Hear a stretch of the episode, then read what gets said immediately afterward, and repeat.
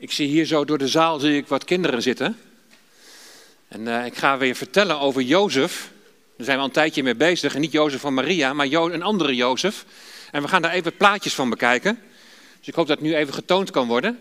Kijk, dat is het eerste plaatje. Jozef. Zie je, heeft zijn mooie mantel aan, zijn gekleurde mantel. En dan heeft hij twee dromen. En de eerste droom gaat over die korenschoven. En dan gaan de korenschoven, die gaan buigen voor de middelste. En de middelste, dat is dan Jozef. En de broers, die gaan dan voor hem buigen. Nou, dat zal later ook nog in het echt gaan gebeuren. En die tweede droom gaat over de zon, de maan en de sterren.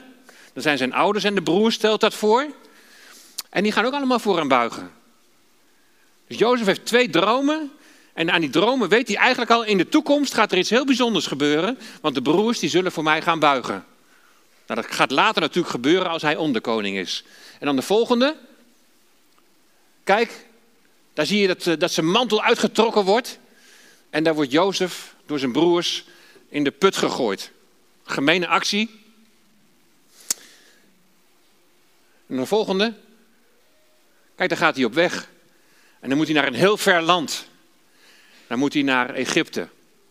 Nu zijn ook heel veel mensen op de vlucht. Nou, Jozef is niet echt op de vlucht. Hij wordt gedwongen meegenomen. En dan moet hij naar een land toe waar hij maar heel weinig van weet, of eigenlijk helemaal niks. En dan wordt hij gevangen genomen. En dan komt hij, even later, komt hij in de gevangenis. En in de gevangenis, daar heeft hij contact met een schenker en met een bakker. Nou, met die schenker, daar loopt het gelukkig goed mee af, maar met de bakker niet. Ook weer dromen en dromen die Jozef dan mag uitleggen namens God. En dan de volgende. En dan krijgt de farao, de baas van het land in Egypte, die krijgt ook twee dromen. Dromen over koeien. Je ziet uh, daar al een dikke koe, koe en een magere koe. En die magere koe die gaat die dikke koe opeten. En dan bij die korenaren, daar zie je dat eentje er heel goed uitziet, die rechtse. En de linkse is een beetje verpieterd. Maar die, verpieter, die verpieterde aren, die verslindt die andere. En dat is eigenlijk ten teken dat er eerst zeven jaar van voorspoed zal komen, alles zal prima zijn. En dan komen er zeven jaar van hongersnood. Nou, hebben we ons een beetje weer meegenomen in het verhaal van Jozef.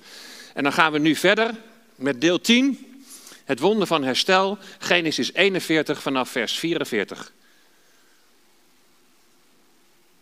De farao zei tegen Jozef: Ik ben de farao, maar zonder uw goedvinden zal in heel het land Egypte niemand zijn hand of zijn voet optillen.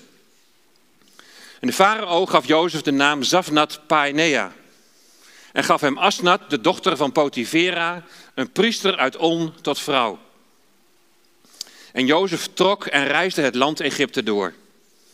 En Jozef was dertig jaar oud toen hij bij de farao, de koning van Egypte, in dienst trad. Toen ging Jozef bij de farao weg en trok heel het land Egypte door. tot zover hadden we de vorige keer ook gelezen. En dan gaan we verder. Het land bracht in de zeven jaren van overvloed bij handen vol op. En hij bracht al het voedsel van de zeven jaren dat in het land Egypte was bijeen en sloeg het voedsel op in de steden. Het voedsel van de akkers van elke stad die er omheen lagen, sloeg hij binnen die stad op. Jozef sloeg zeer veel koren op, als zand van de zee, totdat men ophield met tellen, want er was geen tellen meer aan. Nog voor er een, van honger, nog voor er een jaar van honger kwam, werden bij Jozef twee zonen geboren, die Asnat, de dochter van Potivera, een priester uit On, hem. En Jozef gaf de eerstgeborene de naam Manasse, want, zei hij, God heeft mij al mijn moeite en heel mijn familie doen vergeten. De tweede naam, de tweede gaf hij de naam Ephraim.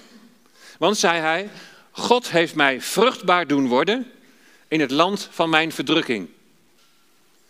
Toen eindigden de zeven jaren van overvloed die er in het land Egypte waren. En begonnen de zeven jaren van hongersnood te komen. Zoals Jozef gezegd had. Er was honger in alle landen, maar in heel het land Egypte was brood. Toen ook heel het land Egypte honger kreeg, schreeuwde het volk bij de farao om brood. En de farao zei tegen alle Egyptenaren: Ga naar Jozef en doe wat hij zegt. Toen er honger in heel het land was, opende Jozef alle korenschuren en verkocht koren aan de Egyptenaren. want de honger werd sterk in het land Egypte. Uit alle landen kwamen ze in Egypte bij Jozef koren kopen, want de honger was in alle landen sterk. Tot zover.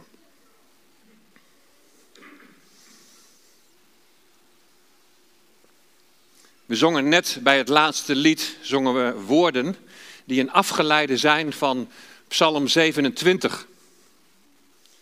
En Psalm 27, daar, daar lezen we: De Heere is mijn licht en mijn heil. Voor wie zou ik vrezen? De Heere is mijn levenskracht. Voor wie zou ik angst hebben? Toen kwaaddoeners op mij afkwamen om mijn leven te verslinden, mijn tegenstanders en mijn vijanden, struikelden zij zelf en vielen. Al belegerde mij een leger, mijn hart zou niet vrezen. Al brak er een oorlog tegen mij uit, toch vertrouw ik hierop. We hebben dit lied al vaak gezongen. U bent mijn anker, mijn licht en mijn bevrijder. U bent mijn vesting, dus vrees ik geen kwaad. Want al keert de vijand zich tegen mij, in uw schuilplaats mag ik toch veilig zijn. Tja, in het vrije Nederland kunnen we dat onbevangen zingen.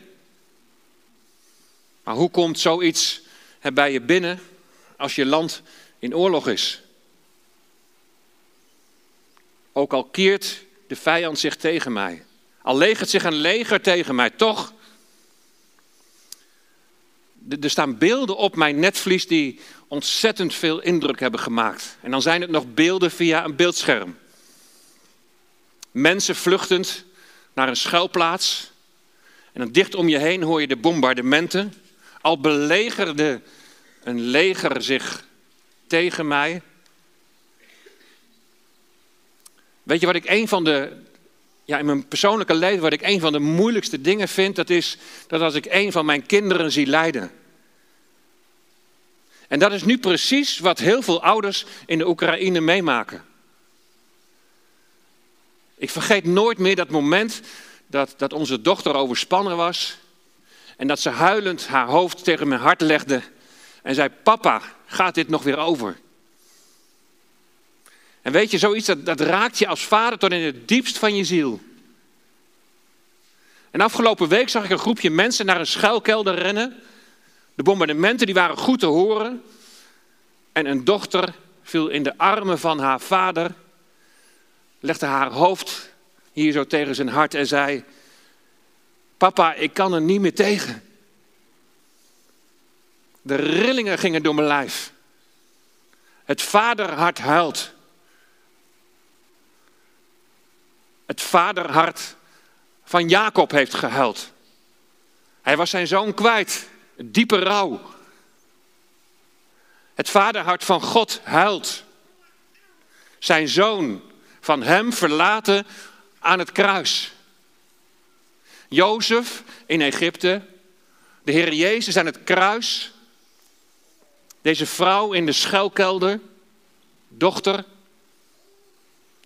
En is het refrein dat we dan samen zongen, is dat dan niet een verlangen van een ieder die ik net hier heb genoemd?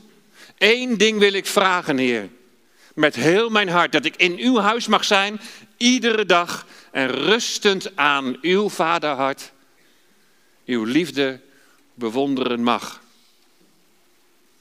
Mijn dochter aan het hart van haar vader, de dochter in de schuilkelder aan het hart van haar vader.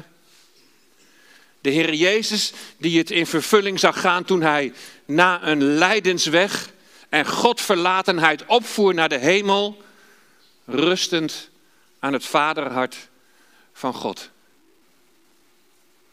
Het ergste vind ik als ik mijn kinderen zie lijden. Ik zag een brandweerman met tranen in zijn ogen die zei: Ik vind het nog het ergste voor de kinderen.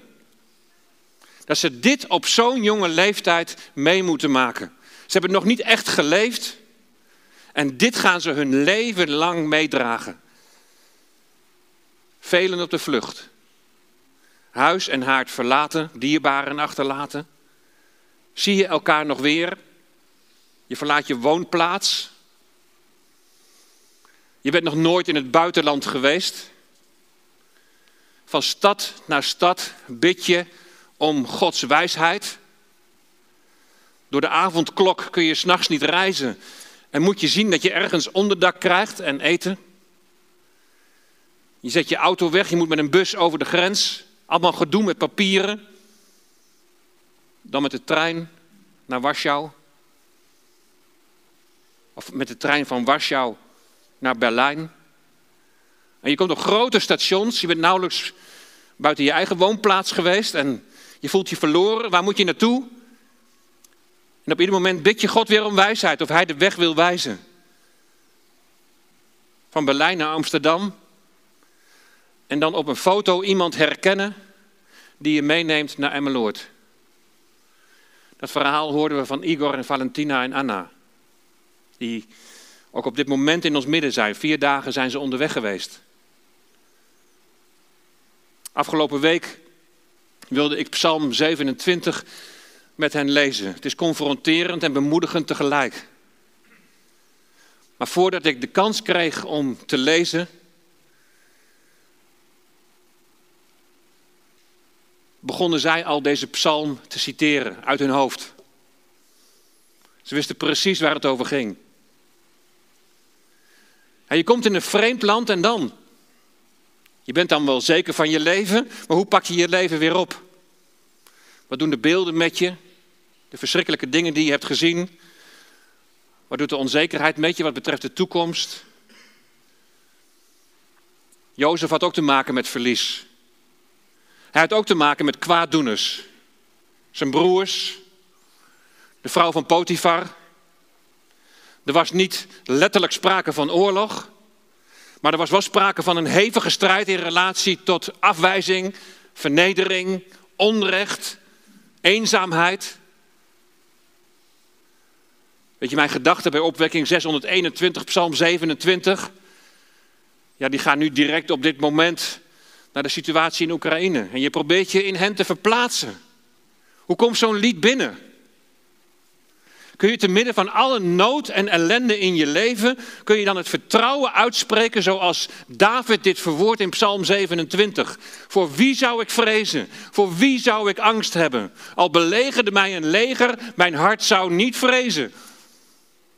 Kun je dit vol overtuiging zeggen als je in een oorlogssituatie zit? Al keert de vijand zich tegen mij, in uw schuilplaats zal ik toch veilig zijn. Vrees je geen kwaad? Ben je niet bang?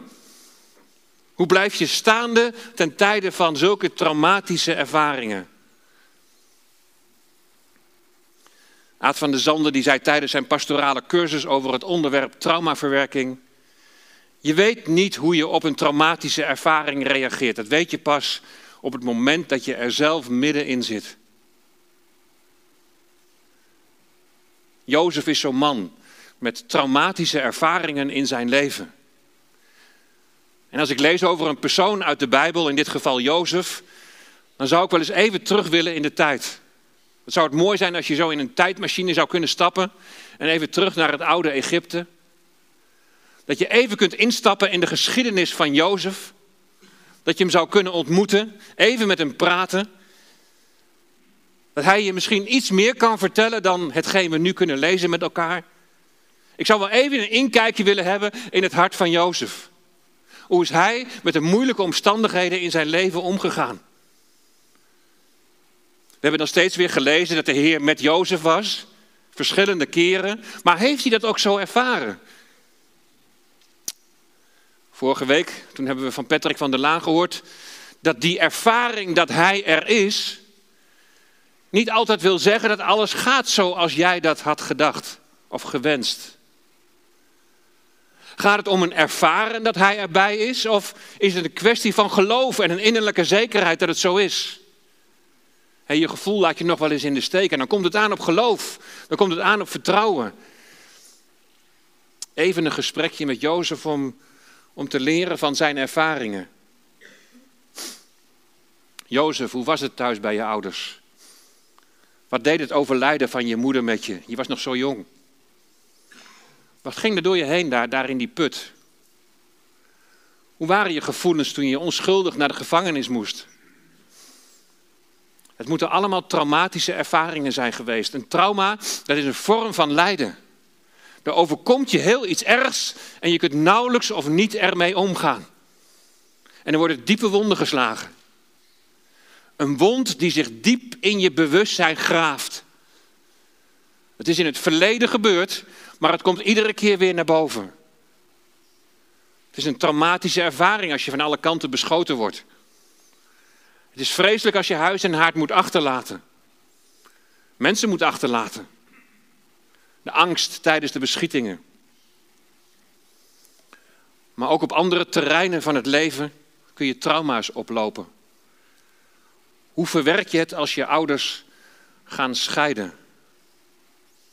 We hadden hier gisteren een studiedag en de spreker die werkt in de jeugdzorg. En hij zei 80% van de problemen waar wij tegenaan lopen met jongeren heeft te maken met de scheiding van ouders. Hoe verwerk je het als je, als je vroeger veel bent gepest? Hoe heb jij je traumatische ervaringen verwerkt? Hoe heb jij je traumatische ervaringen verwerkt, Jozef? Heb je er goed met mensen over kunnen praten? Hoe deed je dat in de gevangenis? Dat zal in die tijd niet de meest ideale omgeving zijn geweest. Aan de ene kant koester je bepaalde herinneringen toen je nog redelijk naïef met je mooi gekleurde mantel rondliep en het duidelijk was dat je vader ontzettend veel van je hield. En aan de andere kant zou je negatieve gebeurtenissen het liefst willen wissen. Of misschien ook wel juist die positieve ervaringen, omdat je weet dat het op dit moment niet meer bereikbaar is. Er zijn misschien wel dingen die je diep wegstopt. Maar dan ineens. En soms heel onverklaarbaar komt het ineens weer naar boven.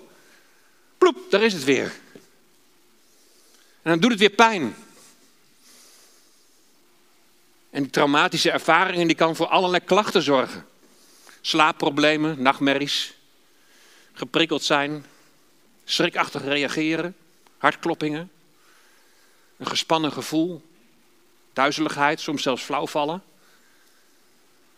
Je kunt zoals Jozef kun je in de put raken en dat je er zelf niet meer uitkomt. En dan heb je hulp nodig. En afhankelijk van de mate van het trauma kan goede gesprekken met mensen om je heen al helpen.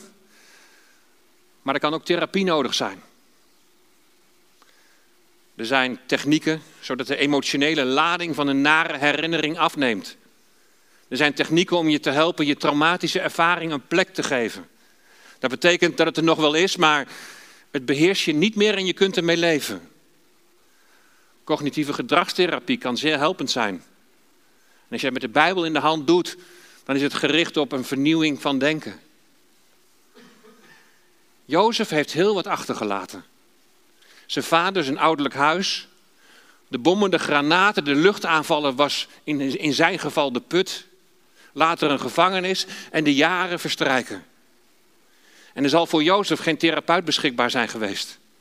Jozef alleen met zijn God. Alleen met de God van zijn voorvaderen, Abraham, Isaac en Jacob.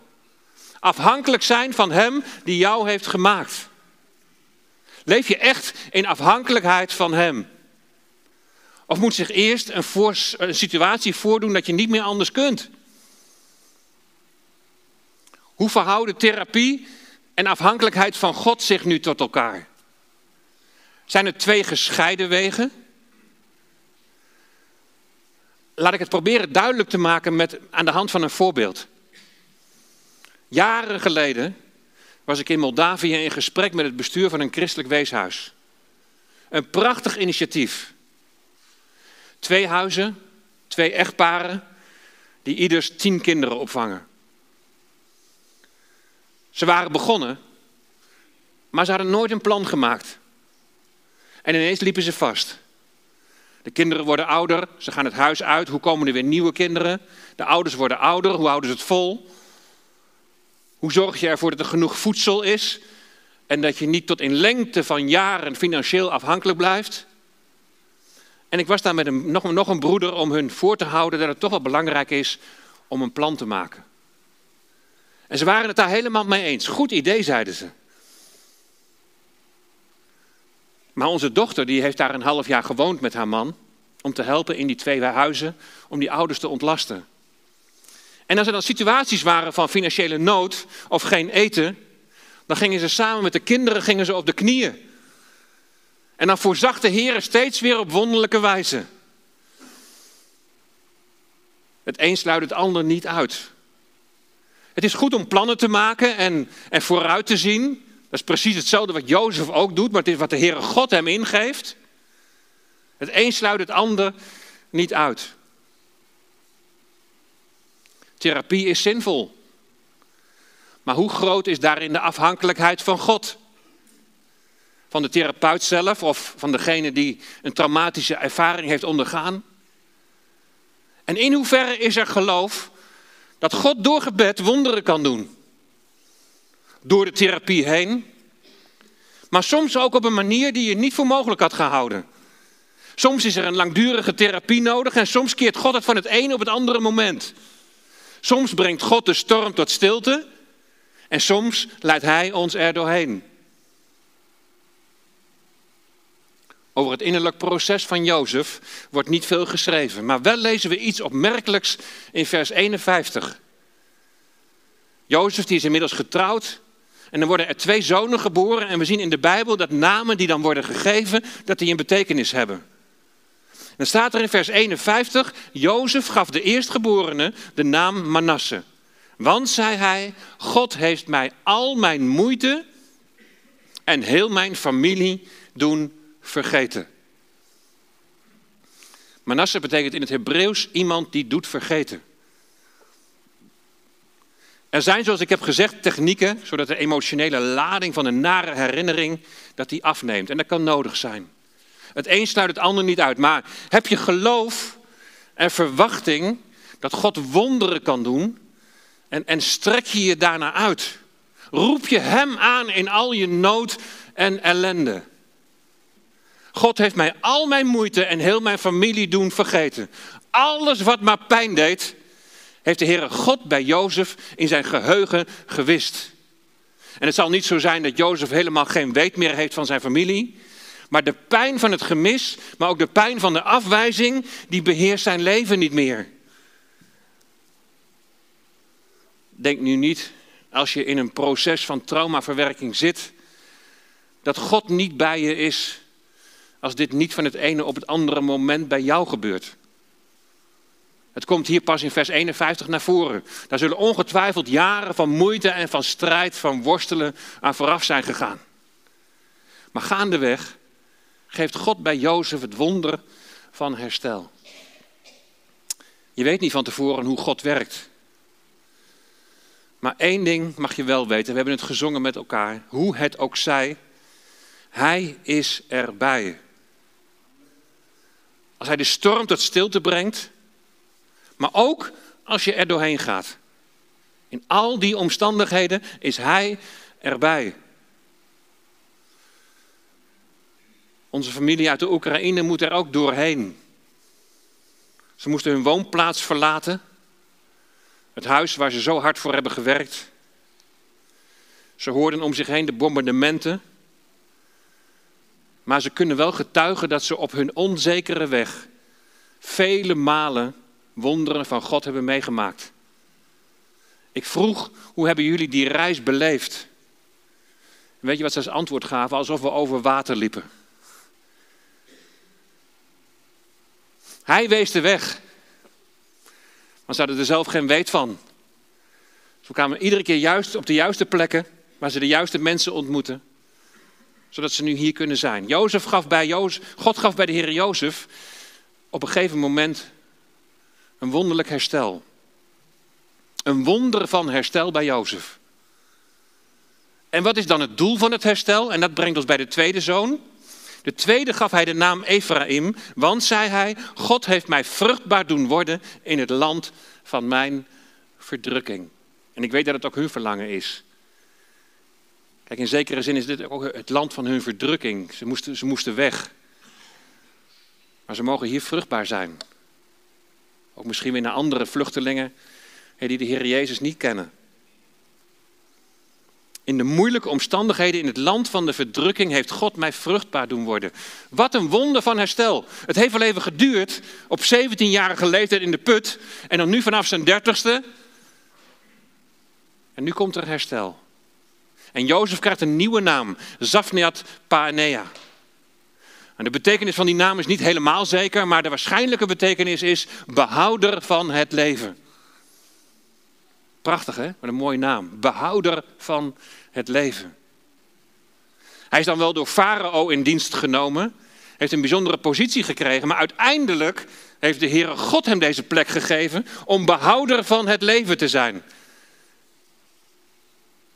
Egypte, de graanschuur van de wereld, die door goed beleid van Jozef, ingegeven door de Heere God, leven geeft ten tijde van hongersnood. Het oude Egypte ten tijde van Jozef en de Oekraïne nu, die hebben enige overeenkomst. De graanschuur van de wereld. En er wordt gewaarschuwd voor een grote voedselschaarste. Er wordt nu, op dit moment niet of, of nauwelijks gezaaid in de Oekraïne omdat het te gevaarlijk is. En als er al zou worden gezaaid en ook zou worden geoogst, dan is het nog maar de vraag of na het oogsten transport kan plaatsvinden via de gesloten of de verwoeste havens. Het gevolg is voedselschaarste in de derde wereld. Zuid-Europa, Noord-Afrika, het Midden-Oosten. En dit kan ook weer een vluchtelingenstroom veroorzaken. Er is geen Jozef die de afgelopen zeven jaar een voorraadje heeft opgebouwd. Een oorlog met grote gevolgen. Allereerst voor de Oekraïners zelf. En beelden die we zien zijn hartverscheurend. Maar denk ook aan de Russen die deze oorlog niet willen, maar nu keihard getroffen worden door economische sancties. Denk aan de gevolgen voor de derde wereld, als de graanschuur gesloten blijft. Weet je, ik weet te weinig van de politiek in de Oekraïne om daar, om daar iets zinnigs over te zeggen. Ik weet maar iets van wat ik dan hoor over de huidige president, Zelensky. Een president van Joodse komaf. En de politieke partij die hij vertegenwoordigt heet Dienaar van het Volk. Zo heette ook het programma, het televisieprogramma waarin hij de, komiek was. Ik heb daar fragmenten van gezien en het lijkt me dat je daar als christen niet altijd vrolijk van wordt. Maar als president presenteert hij zich nu wel als, als dienaar van het volk. Hij blijft in het land. Hij bezoekt de oorlogsslachtoffers. Geen regeerder die alleen achter zijn bureau bedenkt van hoe het verder moet maar die met zijn voeten in de klei staat. Tenminste, zo komt hij bij mij over. En Jozef die pakt op vergelijkbare wijze het leiderschap op.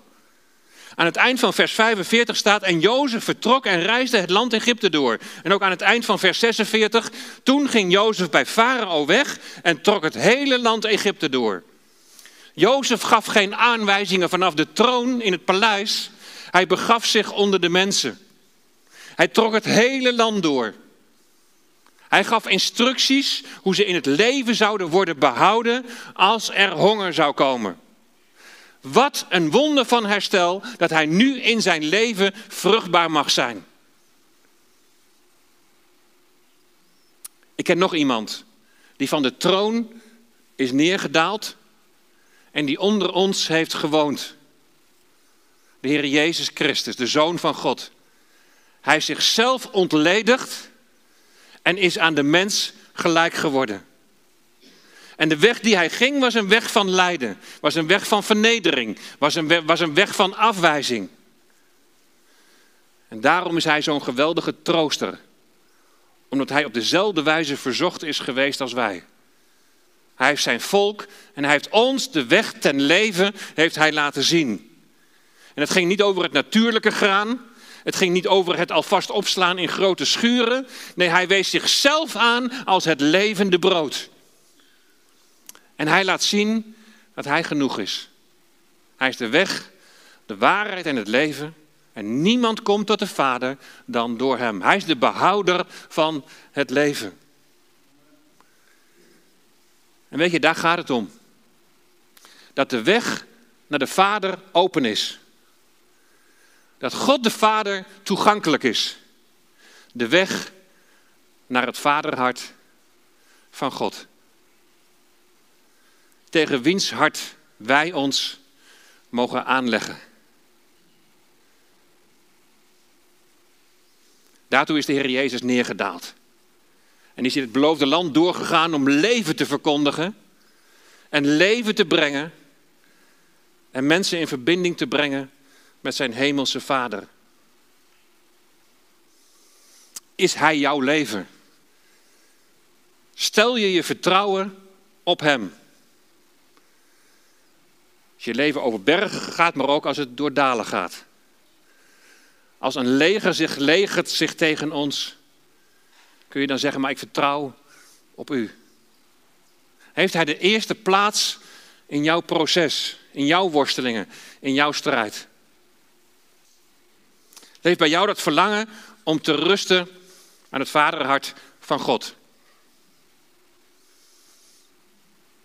Is bij jou dat verlangen om te rusten aan het vaderhart van God? Eén ding wil ik vragen, Heer, met heel mijn hart. Dat ik in uw huis mag zijn, in uw tegenwoordigheid mag zijn, iedere dag. Rustend aan uw vaderhart.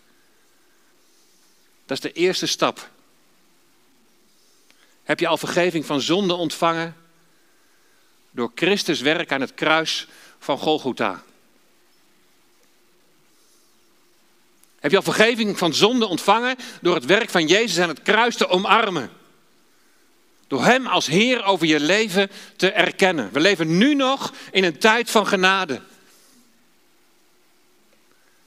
Als we naar de wereld om ons heen kijken, dan is er geloof dat de Heer Jezus spoedig komt. Maar met de komst van de Heer Jezus komt ook het oordeel. En dat is een ernstige boodschap. Met de komst van de Heer Jezus komt ook het oordeel. En alleen zij die in Hem geloven, zullen niet onder dat oordeel zijn. Omdat het oordeel is gelegd op de Heer Jezus aan het kruis van Golgotha. Hij is de behouder van het leven. Ken je de Heer Jezus als je redder en als je verlosser?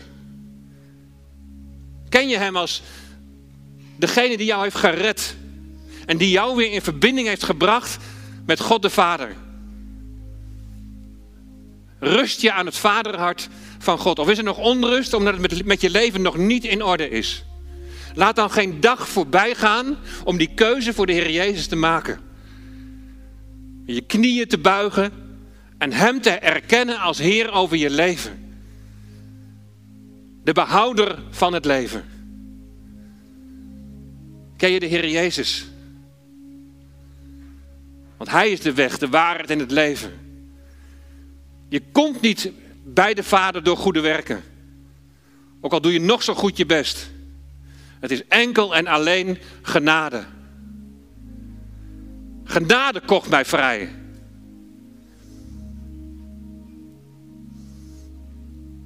De tweede stap is om met Hem te wandelen. Over bergen en door dalen. En dan leven in afhankelijkheid van Hem. We leven nog in een gebroken schepping. Er zullen moeite en zorgen op onze weg komen. Maar heb je je hand in de hand van Jezus gelegd? Hij die jou draagt dwars door de stormen van het leven heen. Hij uit wiens genade wij leven. Hij, onze Heer Jezus Christus, die wij willen aanbidden door te zingen: Heer, ik hou van u. Uw genade blijft me dragen. Dag aan dag in de palm van uw hand. Van de morgen tot de avond. Als ik weer slapen ga, dan zing ik steeds van de goedheid van God. Al heel mijn leven bent u trouw, Heer. Al heel mijn leven bent u goed. Zo goed.